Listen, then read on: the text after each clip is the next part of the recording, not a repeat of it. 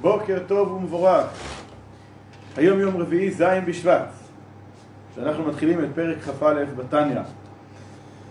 בהמשך לנושא שלנו, של אחדות השם, שאנחנו לומדים אותו כדי להגיע להבנה של קרוב אליך הדבר מאוד בפיך ובלבבך לעשותו, הדרך המקוצרת על ידי ליבוי, על ידי התנעת האהבה המסותרת, הטבעית, שקיימת בכל אחד מישראל, שמצידה הוא מוכן ונכון למסור את נפשו על אה, קידוש השם, ואנחנו בדרך ללמוד איך בעצם אפשר להגיע להבנה והפנמה שכל דילמה בחיים שלנו, אם לעשות את המעשה הנכון על פי תורה, או חלילה להפך, זה עניין של אה, ניסיון על מסירות, מסירות נפש על קידוש השם.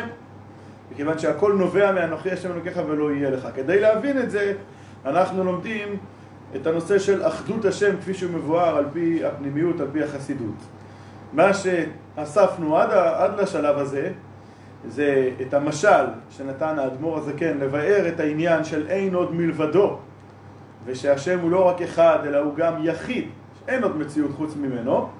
המשל שהוא נתן זה המשל מההתבטלות, מהאין ערכיות, מהאי ערכיות של דיבור אחד שלנו לעומת כללות כוח הדיבור, לעומת כללות כוח המחשבה, ובוודאי ובוודאי לעומת הנפש עצמה. ככה, בנמשל, דבר השם שמהווה ומחיה את העולמות, בעשרה מאמרות נברא העולם, הוא בטל לגמרי לגמרי, כמו במשל, הוא בטל בכאין וכאפס, לעומת האלוקות עצמה, לעומת הקדוש ברוך הוא עצמו, ומכיוון שכל, שהמקור היחיד להוויית העולמות זה דבר השם, ממילא העולמות הם כאין וכאפס, ולכן גם אחרי שהם נבראו, אז אה, אה, זה, אין עוד מלבדו. אתה הוא עד שלא נברא העולם, אתה הוא מי שנברא העולם, בדיוק אותו הוא, וכיוון שהמציאות שלהם, של העולמות, היא כאין וכאפס, היא לא נחשבת לגביו ככלום ממש, ולכן זה ממש כמו המצב לפני שהוא ברא אותה. בפרק כ"א מוסיף האדמו"ר הזקן תוספת ביור בעניין הזה. והוא מתייחס להבדל שאנחנו צריכים להבין היטב בין המשל לנמשל, בעצם בין דיבורו של הקדוש ברוך הוא לדיבורו של בשר ודם.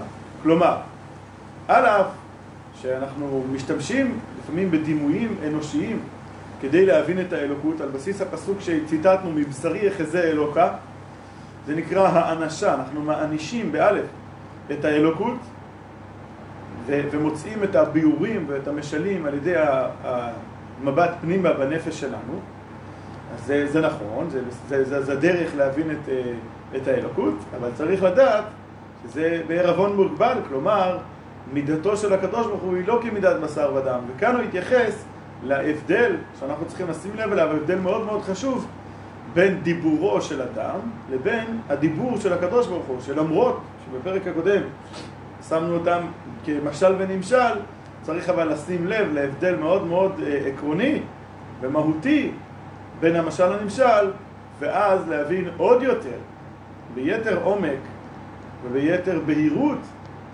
זה תוספת, זה שלב נוסף בהבנה של האפסיות של העולמות לעומת האלוקות, עד כדי כך שאכן אין עוד מלבדו.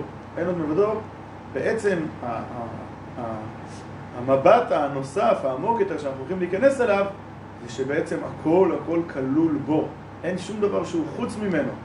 לכן גם כל העולמות שאנחנו רואים, מלבד זאת, שמבחינה ערכית, כמו שלמדנו אתמול, הם כאין וכאפס, כמו שהמשלנו את זה, ש, ש, שחוכמה של אדם פשוט, כשמעמידים אותה בהשוואה לחוכמה עצומה, כמו של שלמה המלך, אז זה לא רק שהחוכמה הזאת פתאום נראית בעינינו קטנה, אלא היא, היא, היא נראית בעינינו ואנחנו מתייחסים אליה כי היא, היא כלל לא חוכמה.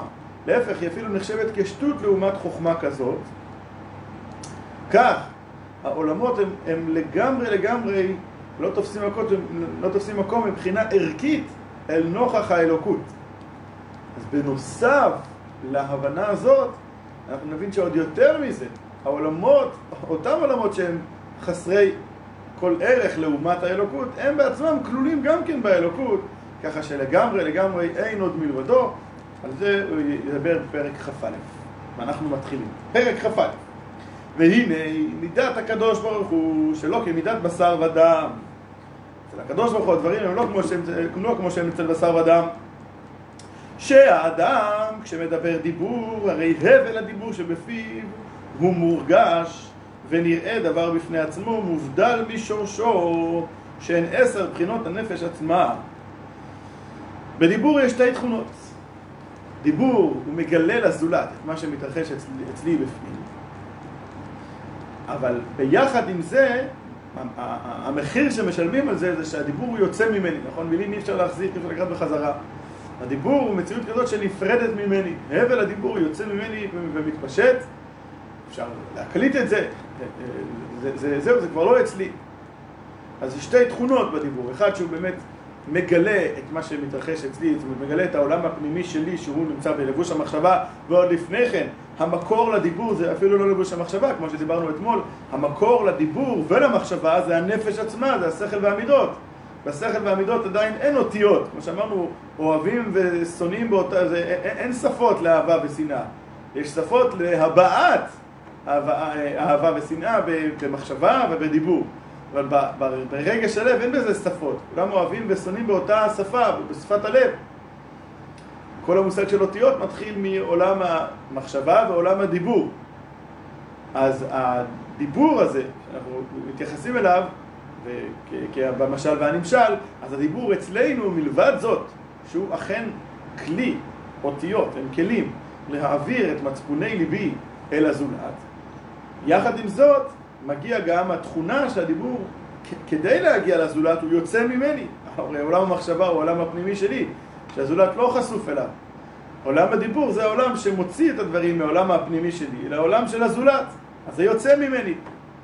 אצל הקדוש ברוך הוא, באלוקות, מצד אחד אנחנו משתמשים בדימוי של דיבור כדי, לה, כדי להביע את העניין של הוויית העולמות, של, שהוא מפיק מעצמו משהו כביכול החוצה, אבל שלא כמידת בשר ודם, אצלו הדיבור לא נפרד ממנו. אבל הקדוש ברוך הוא, אין דיבורו מובדל ממנו יתברך חס וחלילה. מדוע? כי אין דבר חוץ ממנו, ולית אתר פנוי מני, אין שום מקום שהוא פנוי ממנו. ולכן אין דיבורו יתברך כדיבורנו חס וחלילה. כמו שאין מחשבתו כמחשבתנו, כי דכתיב כי לא מחשבותיי מחשבותיכם. וכתיב כן גבהו דרכיי מדרככם וגומר, אז ככה גבהו, גבהו מחשבותיי ממחשבותיכם. אז גם מחשבתו היא לא, לא כמחשבתנו, ועל זה קצת דיברנו בפרק ב' בשם הרמב"ם, אז גם הדיבור שלו הוא לא כדיבורנו. אז למה הוא נקרא דיבור? ולא נקרא דיבורו יתברך בשם דיבור רק, רק בגלל התחום... הסיבה שאנחנו מכנים את זה דיבור היא רק בגלל התכונה האחת שיש, את העניין הזה ש, שהדיבור מגלה החוצה, מגלה לזולת. לא נקרא דיבורו יתברך בשם דיבור רק על דרך משל, רק בגלל שזה דומה במשל, כמו שדיבור התחתון שבאדם. הוא מגלה לשומעים מה שהיה צפון ונעלם במחשבתו, כך למעלה באין סוף ברוך הוא יציאת האור והחיות ממנו יתברך. מהאלם אל הגילוי, לברוא עולמות ולהחיותם, נקרא בשם דיבור. עצם זה שהאור האלוקי יוצא ממנו, האור והחיות, מהאלם אל הגילוי כדי לברוא את העולמות, על שם התנועה הזאת אנחנו מכנים את זה כדיבור. והן הן עשרה מאמרות שבהן נברא העולם, ובכן שאר כל התורה, נביאים וכתובים שהשיגו הנביאים במראה נבואתם, כלומר כל הבעת תוכן אלוקי, הרי הנביאים זה שכינה מדברת מתוך גרונה, והתורה זה דבר השם, ובריאת העולמות היא על ידי עשרה מאמרות, אז כל אותם עניינים שהם נובעים מהקדוש ברוך הוא ומתגלים אל העולם, זה נקרא דיבור, בגלל התכונה הזאת שבדיבור, שבאמת משמיע לזולת את מה שקורה במצפוני ליבו. אבל הקטע הזה שהדיבור נעשה מציאות נפרדת מהאדם, זה לא קיים באלוקות, כי אין שום מקום שפנוי ממנו. והדיבור שלו, גם אחרי שהוא מדובר, הוא כלול בו. והרי דיבורו ומחשבתו כביכול מיוחדות עמו בתכלית הייחוד, וכדי להבין את זה, אז, אז זה כמו דרך משל, הדיבור והמחשבה של האדם, כפי שהם כלולים בנפש שלו לפני שהם יצאו לידי אותיות בפועל. דרך משל כמו דיבורו ומחשבתו של אדם בעודן בכוח חוכמתו ושכלו. הרי הכוח החוכמה והשכל וחמדת הלב הם המקור לאותיות של המחשבה והדיבור שלנו, אז זה ברור, מכיוון שהם המקור היחיד, אין שום מקור אחר, המחשבה והדיבור שלנו לא מביעים שום עניין אחר מלבד אשר הנפש שלנו, מה שעובר לנו בתודעה, מה שעובר לנו ברגש הלב, ומכיוון שכך, אז ברור שאותן אותיות הן כלולות בהיעלם, באופן מאוד מאוד מאוד גולמי והיולי, הן כלולות כבר בנפש עצמה, אז אנחנו צריכים להבין שאצל האלוקות, אצל הקדוש ברוך הוא, המציאות של הדיבור שלו, אחרי שהוא מהווה, אחרי שהוא מדבר, זה בדיוק כמו המצב אצלנו לפני שאנחנו מדברים, כשהאותיות כלולות בנפש עצמה. דרך משל כמו דיבורו ומחשבתו של אדם בעודן בכוח חוכמתו ושכלו, או בתשוקה וחמדה שבליבו, קודם שעלתה מהלב למוח, להרהר בה בבחינת אותיות כבר של המחשבה, ואחרי זה בעקבות זה אותיות הדיבור, שאז היו אותיות המחשבה והדיבור הזה נמשכות, הנמשכות מחמדה ותשוקה זו בכוח בלב, בשלב הזה, עוד לפני שהם ירדו לעולם המחשבה ועולם הדיבור, אז אותן אותיות היו בפוטנציאל, בכוח בלב, ומיוחדות שם בתכלית הייחוד בשורשן, שהן החוכמה והשכל שבמוח, וחמדה ותשוקה שבלב. אז כמו שהאותיות של המחשבה והדיבור שלנו נמצאות, כמו כפי ההימצאות שלהם בפוטנציאל, בנפש, לפני שהם יורדים, לפני שהן יורדות לעולם המחשבה, שאז זה כבר אותיות ממש, ועולם הדיבור.